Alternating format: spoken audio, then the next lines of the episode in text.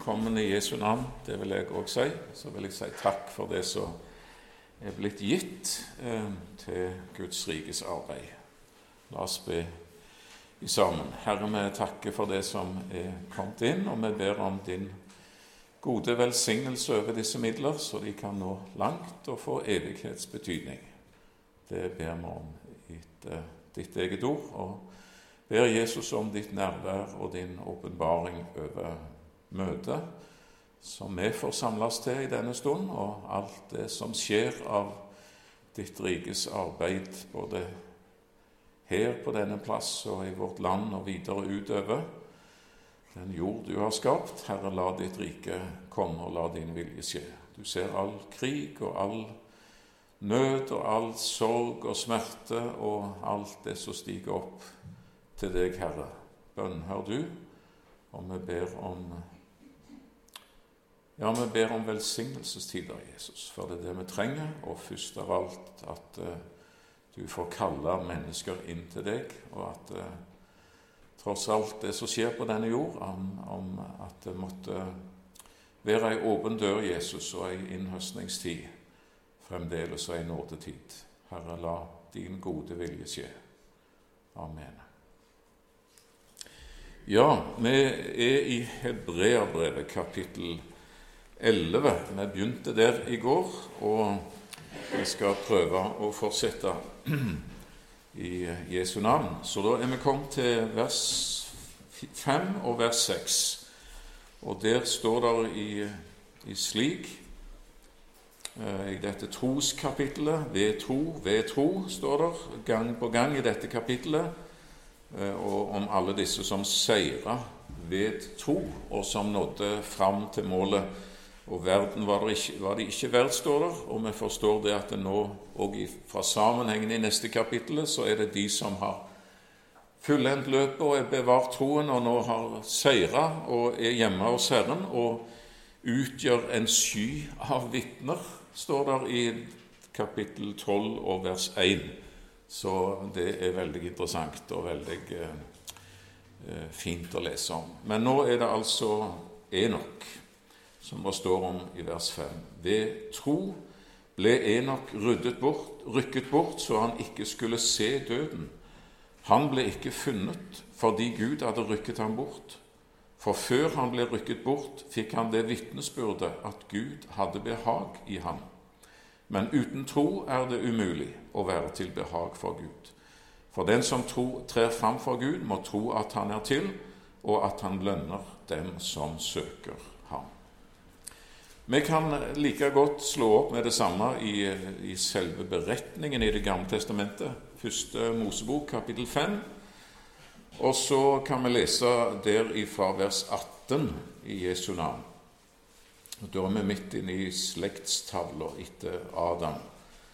Og så står det sånn i vers 18.: Da Jared var 162 år gammel, fikk han sønnen Enok.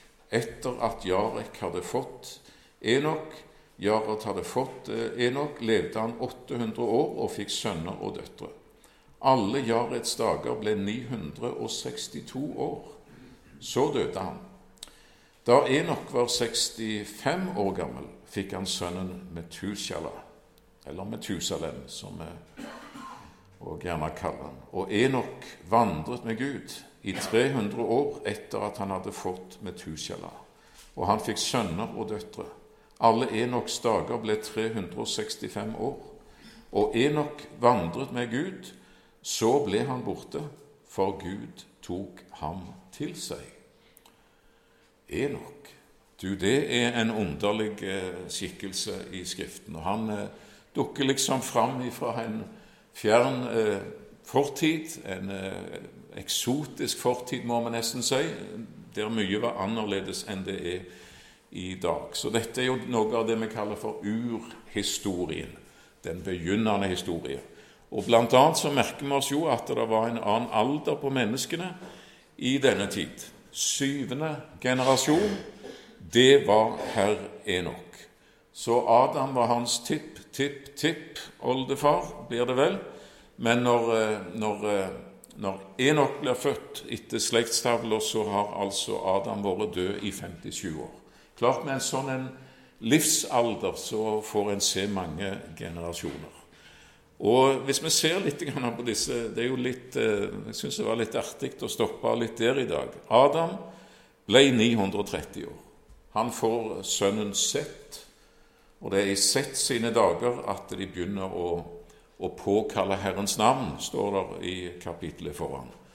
Eh, det er da mennesket, altså Kain-ætten, som hadde dratt bort ifra Herren, men det kommer en, en ny bror inn i familien og i hans slekt. Der er det mennesker som nå begynner å påkalle.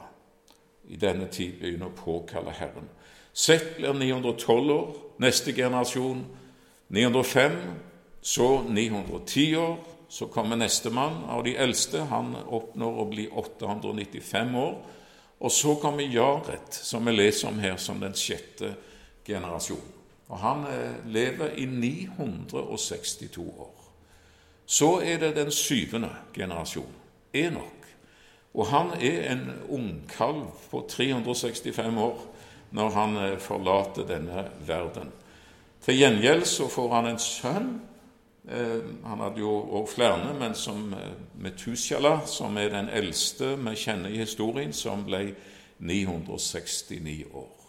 Så kommer generasjon nummer ni, Jared, som blir seks som blir 777 år. Og så kommer den tiende generasjonen, som er altså Noah. Og Noah han blir 950. Eh, Ikke så verst, det heller, egentlig. Skal vi ta denne alder bokstavelig, er det snakk om virkelige, reelle år. Ja, det ser sånn ut. For det er etter flommen som kommer i Noas tid, og det er da i kapittel 6 og vers 3 at eh, Herren sier at menneskets levedager skal fra nå av være 120 år. Jeg forkorter levealderen. Og det hadde noe med rett og slett med synd og ulydighet og alt det som, som eh, var i menneskehetens historie til denne tid. Og så står det i Salme 90 ennå en, en reduksjon i menneskets levetid. For der eh, sier Herren gjennom Moses at eh, menneskets levetid skal være 70 år, 80 eh, år når det er stor styrke. Så det er en, en nedtrapping. Så det ser ut ut ifra sammenhengen som at dette er, er virkelige, virkelige år. Der er de Alltid interessant å lese om sånt. Jeg leste i et sånn der de eh, kjenner språket hebraisk. Og, det er jo sånn i den hebraiske kultur og tanke at der er navnet veldig, veldig viktig og har så stor betydning.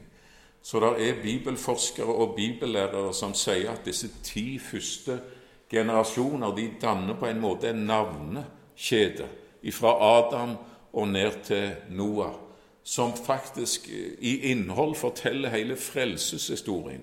At den bærer i seg en, en skjult og dunkel og hemmelighetsfull eh, profeti og historie om det som, som, kommer til å skje i menneskehetens historie, og altså frelseshistorien. Fra mennesket Adam og fram til Noah, eh, som betyr trøst og hvile. Og I mellomtida der så er det både sorg og og disse forskjellige navn som betyr uh, hans død, som fører til, osv., og, så videre, og den virkning det skal få. Det er interessant, det skal vi ikke bruke tid på. Uh, det kan godt være, for Bibelen er en underlig bok som bærer mange skjulte dybder og hemmelighetsfulle dybder i seg. Det er noe helt sikkert. Og det, det er jo òg denne merkelige Enok som vi leser om, han står det ikke så mye om i Skriften, men det står referert til han noen plasser, noen få plasser bare, som i Hebreabrevet, som vi leste, denne teksten, Hebreabrevet 11 vers 5, og i Judas brev, Jesus sin lillebror Judas, som skriver dette, dette korte brevet i, i Skriften, og der skriver han òg om det at Eh, om, om Enok som en eh, profet, en forkynner, egentlig. Disse var det også Enok står det i Judas, Judas vers 14, den sjuende fra Adam, profeterte om da han sa:" Se, Herren kommer med sine titusener hellige for å holde dom over alle og straffe alle ugudelige for alle de ugudelige gjerninger de har gjort, og for alle de harde ord som de har talt mot ham, de ugudelige synderne. Så Enok var en, en underlig skikkelse som, som, så store syner. Og, og disse synene det, det handla nok sikkert om den kommende dom eh, som skulle skje tre generasjoner seinere, eh, under Noah, syndfloden. Men samtidig så strekker den seg lenger òg, ser det ut, når vi ser på ordlyden, helt til endens tid, og gjerne den, den endelige dom. Men kanskje i første rekke da om den dom som vil komme seinere. For eh, er nok et, eh, en underlig skikkelse, og hans vandring med Gud, den er bemerkelsesverdige. Og det kan nok, det kan nok være at disse navn som, ja, som han gir sin førstefødte sønn, f.eks., at det har en stor betydning. Metushala, som betyr død og frambringe. Hans død skal frambringe, oversettes dette navnet. Frambringe hva da? Den dommen som han talte om, og som han forutså, og som han profeterte, kanskje, som er det eneste vi har i Skriften om hva, hva Enok i det hele tatt eh, eh, sa og forkynte. Og hvis det er sånn å forstå, så, så kan altså navnevalget til den førstefødte av Enok bety at hans død vil frambringe denne dommen. Altså så lenge som min sønn Metusjala lever, så vil dommen ikke forekomme. Og det er et faktum når vi legger navnelistene ved siden av hverandre, at det er i det året når Metusjala dør, 969 år gammel, det er da arken er ferdig, og det er da står der i tidsangivelsen om, om noe at det er da dommen bryter løs. Så så lenge Metusjala er der, så holder han liksom tilbake dommen. Det er nåde og innbydelsestid. Hvis det er det som ligger i det navnet, som det kan synes å antyde, eh, som blir gitt til, til Enok sin førstefødte, Metusala. Metushala. Hans død skal frambringe. Og når Metusjala får sin sønn, den førstefødte, så gir han han det navnet som betyr fortvilelse, klage. For det kommer en dom, og det forkynte altså Enok i si samtid. En underlig eh, skikkelse vi, blir vi kjent med her i denne urhistorien. Og eh, Enok skiller seg ut ifra si samtid. Når vi leser disse ti første generasjoner, så for det første så skiller han seg ut ved sin alder, at han bare får leve 365 år før hans reise er over. Det er det første. Og det andre vi legger merke til, det er at de, de ni andre generasjonene, der står det bare at de levde så og så lenge. Men når det gjelder Enok, så står det ikke at han levde, men det står at han vandret med Gud. Og to ganger blir det sagt i første Mosebok kapittel 5 her i dette avsnittet. Og det betyr noe med en fortrolighet og en inderlighet og en nærhet. Om du møtte denne mannen, så ville du merke det. Han er annerledes. Han har noe med seg. Han, eh, bare ved sitt liv og, og, og i det hele tatt så, så har han en, en, et vitnesbyrd han bærer om seg, om at han lever nært inntil Herren. Han vandrer med Herren. Det står det ikke om noen andre på den samme måten som det står om, om Enok. Og for det tredje så står det om simpelthen om de ni andre første generasjonene der, så står det at de, de døde. de levde så og så lenge, og så døde de. De levde med Gud, mange av de. Det er jeg helt overbevist om. Tenk bare på en Noah også. Da står han på denne måten. Men han levde så lenge, og så døde han. Mens avslutningen til Enok, den er annerledes. For han ble borte. Eh, plutselig en dag så var Enok ikke der lenger. Og folk spurte sikkert hvor er hvor er han? Hvor er det blitt av han? Han kan jo ikke ha dødd. Han er jo bare 365 år gammel. Eh, og, og, da eh, Nei, Herren har tatt han. Herren har tatt han bort. Kanskje det var noen øyenvitner som eh, til og med så dette øyeblikket der eh, han forsvant. Så det var enden av hans fortrolige og inderlige vandring med Gud den avslutta på denne måten at Herren tok ham til seg. Og det er det vi leser i Hebreerbrevet 11, at han, han døde ikke. Han skulle ikke engang se døden. Han ble ikke funnet fordi Gud hadde rykket ham bort. Og før Gud uh, rykket han bort, så fikk han det vitnesbyrdet at Gud hadde behag i ham. Ja, navn betyr mye eh, i hebraisk tankegang. Og navnet Enok ifølge de lærde, det betyr dedikert, innviet. Og det betyr òg noe om lærdom, en som har mottatt eh, lærdom, altså, på en spesiell måte. Ved, ved sin innviethet så har han òg fått eh, lærdom på en ganske spesiell måte. Og han eh, det er vi jo ikke i tvil om når vi leser egentlig summen av vitnesbyrdet om han. Eh, Enok vandret med Gud. For en flott attest! Eh, for en fin si, eh, beskrivelse det er av et eh, menneskeliv. Og det er det du og jeg òg kalt til en vandring med Gud. I det hele tatt i Bibelen så brukes uttrykket vandring, eller å vandre, ofte. Eh, og det, det beskriver livet, rett og slett. Det, livet er en reise og en vandring fra unnfangelse og til normalt død. Eh, fra første til siste hjerteslag, og du kan gjerne si fra første skritt, og, og til din vei ender med det siste skritt en vandring. Og så er spørsmålet hvordan er din vandring? Det står et veldig trist ord i Filipperbrevet. Det står veldig mange ord i Skriften om vandring. Men jeg tenkte bare på dette. Filipperbrevet 3 og vers 18, der Paulus eh, med stor sorg skriver dette.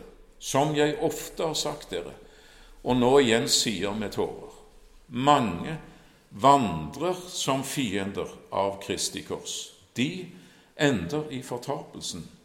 Det er det som er slutten av, av veien for disse mennesker. Deres Gud er buken. De setter sin ære i sin skam, og de trakter bare etter jordiske ting. Så leste vi i går om eh, Kain, hans vandring, ikke sant, som eh, begynner sånn og sånn, og som ender i byen Nod, Nod hjemløs, eh, omstreifer, rastløs, og hvordan en da søker eh, på en måte mening og livsfylde i, i fine ting, egentlig ikke. Men, men eh, likevel så er det liksom bare den horisonten over dette livet. En, en streifer omkring på denne jord og ønsker å finne tilhørighet og alt sånt. Men en er en vandrer, og en er en omstreifer. Og som den gigantiske romerske tenker Seneca med all sin kløkt og filosofi og alt dette sa at 'Jeg vet ikke hvor jeg kommer fra, eller hvor jeg går'. Det var hans bekjennelse over sitt liv. Jeg, jeg går egentlig og famler i blinde og prøver å finne mening, men, men jeg kjenner ikke bakgrunnen, og jeg kjenner ikke veien foran. Så jeg syns det er fint det Martin Luther skrev i en sammenheng. Han skrev 'Jeg vet hvor jeg kommer fra, jeg vet hvorfor jeg lever, og jeg vet hvor jeg går'. Er det da underlig at mitt hjerte synger. på den store sammenhengen, den store historien, Guds egen historie, eh, den var blitt Martin sin historie.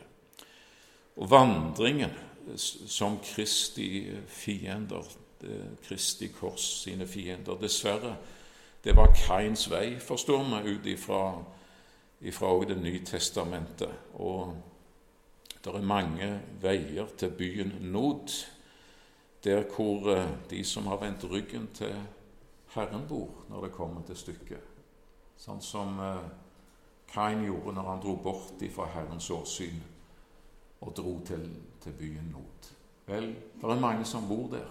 Der bor fiendene av Kristi kors. Der bor de som har vendt Herren ryggen. Og det er dessverre ingen lys framtid for landet Nord sine innbyggere. Du må komme deg ut. Du må komme deg vekk. Du må vende ansiktet, ikke ryggen, til den Gud som elsker deg, og som søker deg. Eh, vi får alle vil som får. Vi venter oss hver til sin vei. Ja, det er mange veier til nod. Eh, men og den veien som fører til fortapelsen, sa Jesus, den er, der er porten eh, vid, og veien er brei. Og mange er de som går på den veien. Mange er de som ferdes der. En, en vandring eh, en, på en vei som fører feil av gårde. Og mang en vei gjentar eh, ordspråkene et par ganger iallfall synes rett for en mann, men enden på det er dødens. Det er menneskets eh, Jeg håper å si blindhet, at en ikke er i stand til å orientere seg. Det er jo grunnbetydningen av ordet synd, det å ta feil av vei og mål og være en ja, en som ikke er i stand til å orientere seg egentlig åndelig talt. Det er derfor vi behøver åpenbaring, og det er derfor vi behøver å be det som David ba i Salme 139, når han ber ransak meg, Gud, og kjenn mitt hjerte. Prøv meg, kjenn mine mangfoldige tanker. Se om jeg er på fortapelsens vei, og led meg på evighetens vei. Den veien som fører hjem. Der er Enok et så fint eksempel, han som vandret med Gud. Og det er den vandring Herren kaller oss til. Jeg vil bare sitere i full fart noen ord. Kom, la oss vandre i Herrens lys. Vi er kalt til å vandre for Hans åsyn, vandre i sannhet, i ydmykhet, vandre i et nytt liv, vandre i Ånden, står det i Skriften flere plasser å vandre som lysets barn. Og lyset det er ofte på den ene eller andre måten inne i bildet når det gjelder vandringen. Eh, det er og blir en vandring i lyset. Og det blir eh, å vandre som lysets barn, står der. Å vandre i tro. Og det er Efeserbrevet 2.10 å vandre i ferdiglagte gjerninger som Gud på forhånd har lagt ferdige for oss, for at vi skulle vandre i dem. Det er noe så herlig uanstrengt ved det, egentlig, det ordet. Der et menneske får vandre i Herrens nærhet, og så har Gud sørga for langs den veien og går.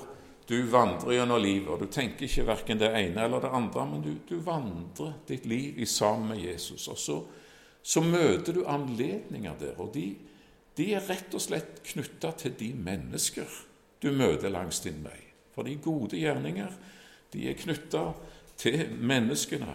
Og, og, Herren ville nå gjennom deg og meg mennesker du møter langs livsveien, med godhet og med omsorg, og med, gjerne med et ord om Herren når den anledningen var der. For et privilegium det å få lov til å vandre med Herren leve sitt liv i sammen med ham. Og det er helt grunnleggende i den vandringen. Det var det òg for herr Enok, faktisk. For òg i den gamle pakts tid så var det, så var det eh, blodet som gjaldt Jesu offer, som hadde virkning òg i den gamle pakts tid, og som var frelsesmiddelet. Eh, og Det står i 1. Johannes 1 og vers 7.: Dersom vi vandrer Der har du vandringen igjen. I lyset. Og der har du lyset igjen. Det blir repetert og repetert og repetert når vi snakker om vandringen i Skriften. Dersom vi vandrer i lyset, like som Han er i lyset, da har vi samfunn med hverandre. Vi hvem? Da må du gå fram til vers 3, og der må du lese om samfunnet de hellige har med hverandre. Og vårt samfunn er med Faderen og med Hans Sønn Jesus Kristus. Så vandringen, det er et samfunnsvandring med Gud, med Sønnen og ved Ånden, og det er et samfunn med Gudsfolket, med de hellige. Det er en flott sammenheng. Og Jesu, Hans Sønns blod, renser oss fra all synd. Og jeg, jeg, jeg, var aldri noe glad i grammatikk på skolen, det var jeg ikke. Men uh, den bibelske grammatikk, den er vidunderlig. Den er befriende. Den er så oppbyggelig. Både den hebraiske håper si, og den greske. Ikke at jeg kan så veldig mye om det, men lite grann. Og den, den formen det står i her, at det er noe som som renser og renser og renser og renser og renser, altså uavbrutt ifra all synd. Og i neste kapittel så får du presisert det. Det hadde du jo egentlig ikke behøvd å skrive, Johannes, eh, sånn sett. For du kunne jo egentlig bare skrive at han er en soning for våre synder. Og du kunne bare skrive, skrive at vi har en talsmann hos Faderen, Jesus Kristus den rettferdige, og han er en soning for våre synder. Du hadde ikke behøvd å, å si noe mer enn det, men det er noe Johannes gjerne vil få sagt. For han sier det nemlig sånn i det andre verset eh, Om vi synder, har vi en talsmann hos Faderen. Jesus Kristus den rettferdige. Og han er en soning for våre synder. Så kunne jo kunne han jo skrevet at når vi ber, så har vi en, en talsmann og Faderen som er en soning for våre synder. Og når vi leser i Skriften, og når vi tenker fine og åndelige tanker og drømmer, fine åndelige drømmer nattestid, da, har vi en talsmann. Ja, det dekker jo selvsagt det òg, men det er noe bare Johannes så gjerne vil få sagt. Han vil si at til og med i det øyeblikket når du synder, til og med i det øyeblikket når du faller, så har vi Vi mister ikke Jesus da. Vi mister ikke det faktum at han er en soning for våre synder. Er og er og er og er. Presens uavbrutt. Noe fortsettende som varer, som ikke bare er en engangshendelse som har skjedd, og så ferdig med det i det øyeblikket, men noe som pågår og fortsetter og vedvarer å være. Til og med, sier Johannes, i syndeøyeblikket. Og det er klart at det, det er jo Enok vandret med Gud. Og det er det som er grunnlaget for deg og meg òg i vårt liv, i vår vandring, og et liv vi skulle egentlig eh, ha som prosjekt å leve nærmest mulig Jesus. Å komme nær, så nær det er mulig inntil Han, og så tett innpå Han for uttrykket det, det snakker om et samfunn. Og da er grunnlaget det er Jesus, det er hans offer, det er blodet som renser aldeles uavbrutt ifra all synd. Eh, står noe om Peter. Det er så fort gjort å komme på avstand, vet du. Og det står om Peter i, i sammenheng Ja, det står i Matteus 26, vers 58 at eh, men Peter fulgte etter ham, etter Jesus altså, på avstand like til ypperste prestens gård, står der. Og da er vi jo eh, Ja, da er vi rett etter Getsemane, etter, etter pågripelsen av Jesus når Peter hadde tatt sverd og svingt rundt med, og så ble irettesatt av Jesus. Og så sjokket og panikken og alt det der, det forferdelige som man bare skulle ønske han aldri hadde skjedd, og at han kunne gjort om igjen. Når han stormer av gårde der og flykter i, i vill panikk og oppfyller Jesu ord, som Jesus hadde sagt før at han skulle svikte. Og Da er det at han kommer til seg sjøl, og så tenker han at eh, jeg må jo følge etter Jesus. Og så fyller han på denne avstanden. Og det er klart, vi kan jo lese eller forstå hva Peter tenker. Han var kalt til å være en etterfølger av Jesus. Jesus hadde sagt 'følg meg'. Men nå holder han seg utenfor synsvidde.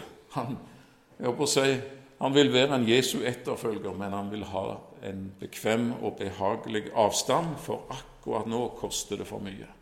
Nå kan han ikke vandre med Herren, for uh,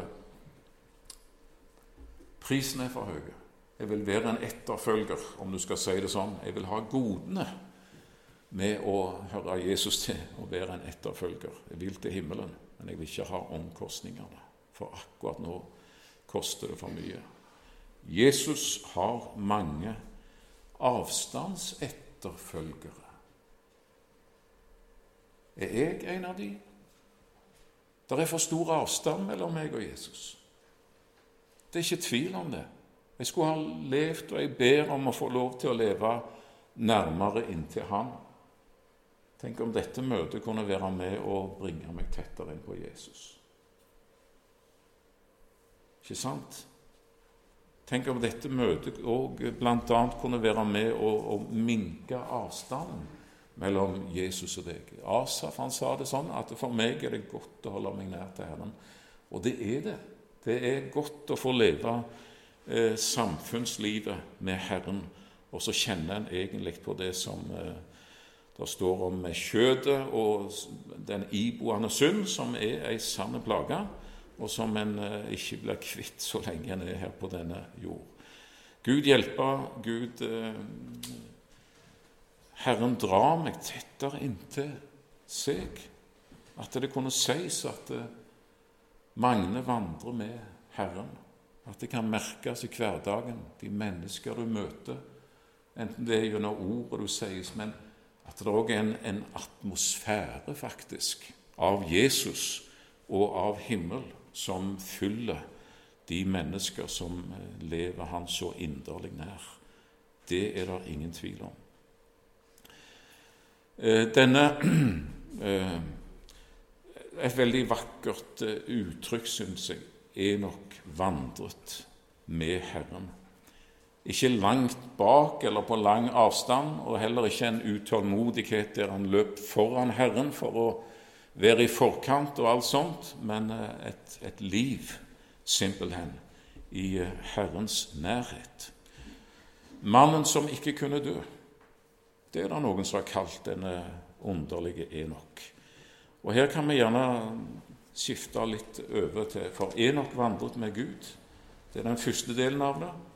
Og så leser vi her eh, altså i, i både Hebreabrevet 11 vers 5 og i første Mosebok 5 at ved tro ble Enok rykket bort så han ikke skulle se døden. Han ble ikke funnet fordi Gud hadde rykket ham bort. For før han ble rykket bort, fikk han det vitnesbyrdet at Gud hadde behag i ham. Og det er ikke bare i Enok Herren har behag. Bare lese Salme 149 og vers 4. Herren har ubehag i sitt folk. Nei, Herren har behag i sitt folk. Han pryder de nedbøyde med frelse. Jeg vil glede meg i Herren. Min sjel skal juble i min frelses Gud. Han har kledd meg i rettferdighetens kappe, eh, i frelsens drakt. Ja, nå går det i babbels. Jesaja 61. Jeg må få det riktig her. i sitatet. Veldig fint ord. Eh, og det hører Jeg er veldig glad for, eh, for å si, evangeliet i den gamle pakks tid. Jeg vil glede meg i Herren, min sjel skal fryde seg i min Gud. For han har kledd meg i frelsens drakt. I rettferdighetens kappe har han svøpt meg, lik brudgommen, som setter på seg en lue prektig som prestens, lik bruden som pryder seg med sine smykker. Kledd for bryllup, kledd i en drakt som er frelse og rettferdighet. Da har Herren behag i sitt folk. Og ved tro så var det, var det altså Enok mottok dette behag, og slik er det òg i dag. Troen på Jesus, det er vår seier.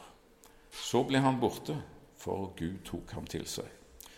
Det er tre skikkelser i Det gamle testamentet som liksom er tatt ut av sin sammenheng når det gjelder Du har for det første i andre kongebok, kapittel to, profeten, eller Elias, som eh, plutselig blir rykka bort. Da kommer en, ei ild, ildvogner og hester av ild som bare feier forbi og tar Elias med seg og rett hjem. Og der står Elisa, eller Elisha tilbake med, med kappen. Det er alt som er igjen. Og så er profeten tatt hjem. Og så har du en litt underlig sak òg når, når det gjelder Moses, for han døde. Han døde på fjellet Nebo, men han ble ikke funnet etterpå. Hans kropp var der ikke når Israel kom for å lete etter sin store leder. Og det er Jesu lillebror, da, Judas, som i sitt eh, vesle, beskjedne brev på ett kapittel forteller noe om dramaet rundt dette.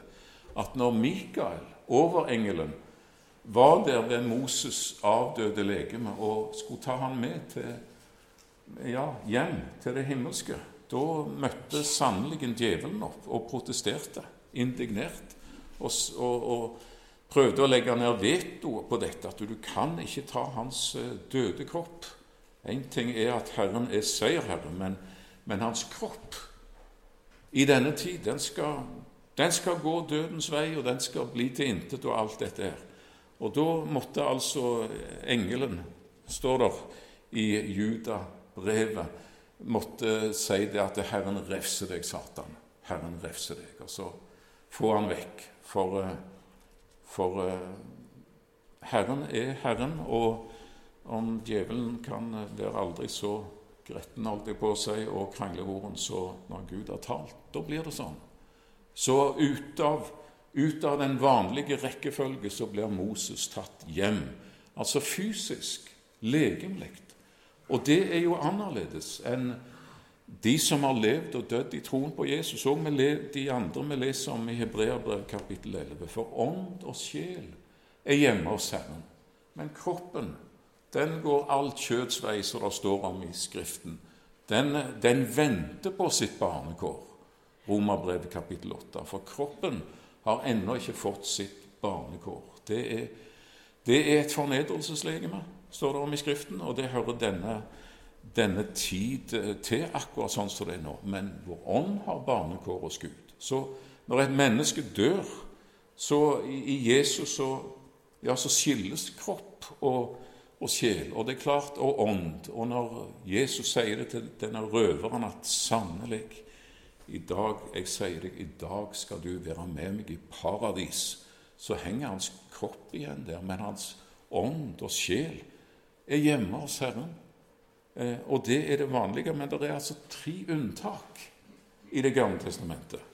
Det er Elias, og det er Moses, og det er herr Enok, som vi leser om. Han som bare plutselig forsvant og ble tatt hjem til Herren. Og det er jo også, Vi har ikke tid til å spekulere mye på det, men i Lukas kapittel 9 på på Forklarelsens berg, hvem er det da som viser seg i herlighet, står der, i sammen med Jesus når Jesus blir forklaret, og samtaler med ham om det som skal skje i Jerusalem de følgende dager, når Jesus skal gi sitt liv eh, for menneskene. Hvem er det som Jo, der er de tre disiplene, og de ser veldig klart det er Moses og det er Elias. Det er de to i den gamle pakts tid som eh, ble tatt fysisk. Nå er de herliggjort, står der. De har liksom gått utenom den vanlige rutine. Men der er òg, for det tredje, Enok. Og det, der er noe det er noe veldig fint med denne Enok og hans inderlige og fortrolige vandring med Herren i sin tid.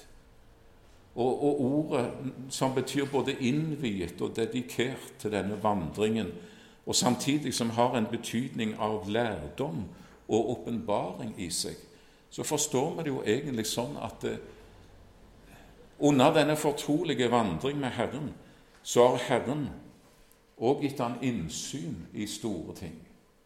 Ja, den dommen som kommer i Noas tid, men allerede langt inn i endens tid og i den store, store historien som òg innebærer en dom ved veis ende for menneskeheten. Dette ser Enok inn i. Det var en eh, predikant som heter Severin Tobiassen. I sin tid han ble kalt Setesdalens apostel. Han eh, var en meget meget festlig kar. Eh, han eh, var jo ikke noen troende, har jeg hørt og lest, at eh, egentlig, men han, han var anføreren iblant ungdommene. så på, De likte å være på bedehuset, og etter talen var over, så samla ungdommene seg der, altså de ikke-kristne, og så hadde Severin et sånn one man-show der han imiterte kveldens predikant til det outrerte og gjorde komedie av det hele, sånn at uh, ungdommene rundt omkring de holdt på å le seg krokete av denne gjengivelsen og invitasjonen av kveldens uh, predikant og det han hadde sagt i, med tonefall og alt i regi Severin. Problemet var bare det at han var jo på møte og hørte Guds ord. Så mens han står der og gjør narr av en predikant etter møtet og gjenforteller, så blir han så slått av syndenød, akutt. Det som han hadde hørt, så midt i komedien, så blir eh, Severin møtt av Herren og kom i nød og tok imot Jesus som sin frelser og ble siden en eh, forunderlig predikant som utstyrte Emmaus-vandrerne med sykkel når de sykla tilbake igjen til Jerusalem så de lå flate i svingene for å fortelle at eh, Jesus var virkelig oppstått, osv. Men han fortalte òg om om Enok. Enok som vandret med Herren. Og han eh, beskrev det på sin måte, hvordan det som to venner og fortrolige som går der side ved side og samtaler, og tider når det faller naturlig. Og, og tida den faller så, så, kort, og en er så opptatt av denne fortrolige samtale og hjertespråket at det, til slutt så stopper Herren der ved veien og ser seg om og sier at 'nå har vi gått så langt, Enok. Nå er vi, nå er vi jo nær ved likevel. Kan du ikke bare bli med meg hjem?' Og så ble Enok med Herren hjem. Han levde så nær. Det var liksom noe av poenget til Severin Herren, at det, var så kort vei hjem. Og det er jeg syns det er en fin ting i denne vandringen og fortrolige vandring med Herren der blir eh, Enok òg stående som et, eh, et vitnesbyrd om det Bibelen forteller om som et kjempeemne. Jesus skal komme igjen. Og det står i dette ordet her han ble rykket bort. Hebreabrevet 11 og vers 5. Ja, da tenker vi på 1. Tessalonikerbrev kapittel 4, vers 16-18, der det står om det som skal skje eh, for Enok sitt forunderlige liv og bortrykkelse det peker òg fram på den store, store begivenheten som Skriften taler om, når Herren sjøl skal stige ned fra himmelen med et bydende rop, med overengels røst og med Guds basun, og de døde i Kristus skal først stå opp. Deretter skal vi som lever og Jeg snakket nettopp med fintroens menneske, og hun sa det. Ja, vi vet jo det, sa hun, at vi skal alle dø. Ja, spurte jeg, er nå det helt sikkert, da? Ja, det er vel det, sa jeg. Nei, vet ikke helt, sa jeg. Det er jo noen som skal leve når Jesus kommer hjem. Ja, det var sant. Deretter skal vi som lever, som er blitt tilbake, sammen med dem.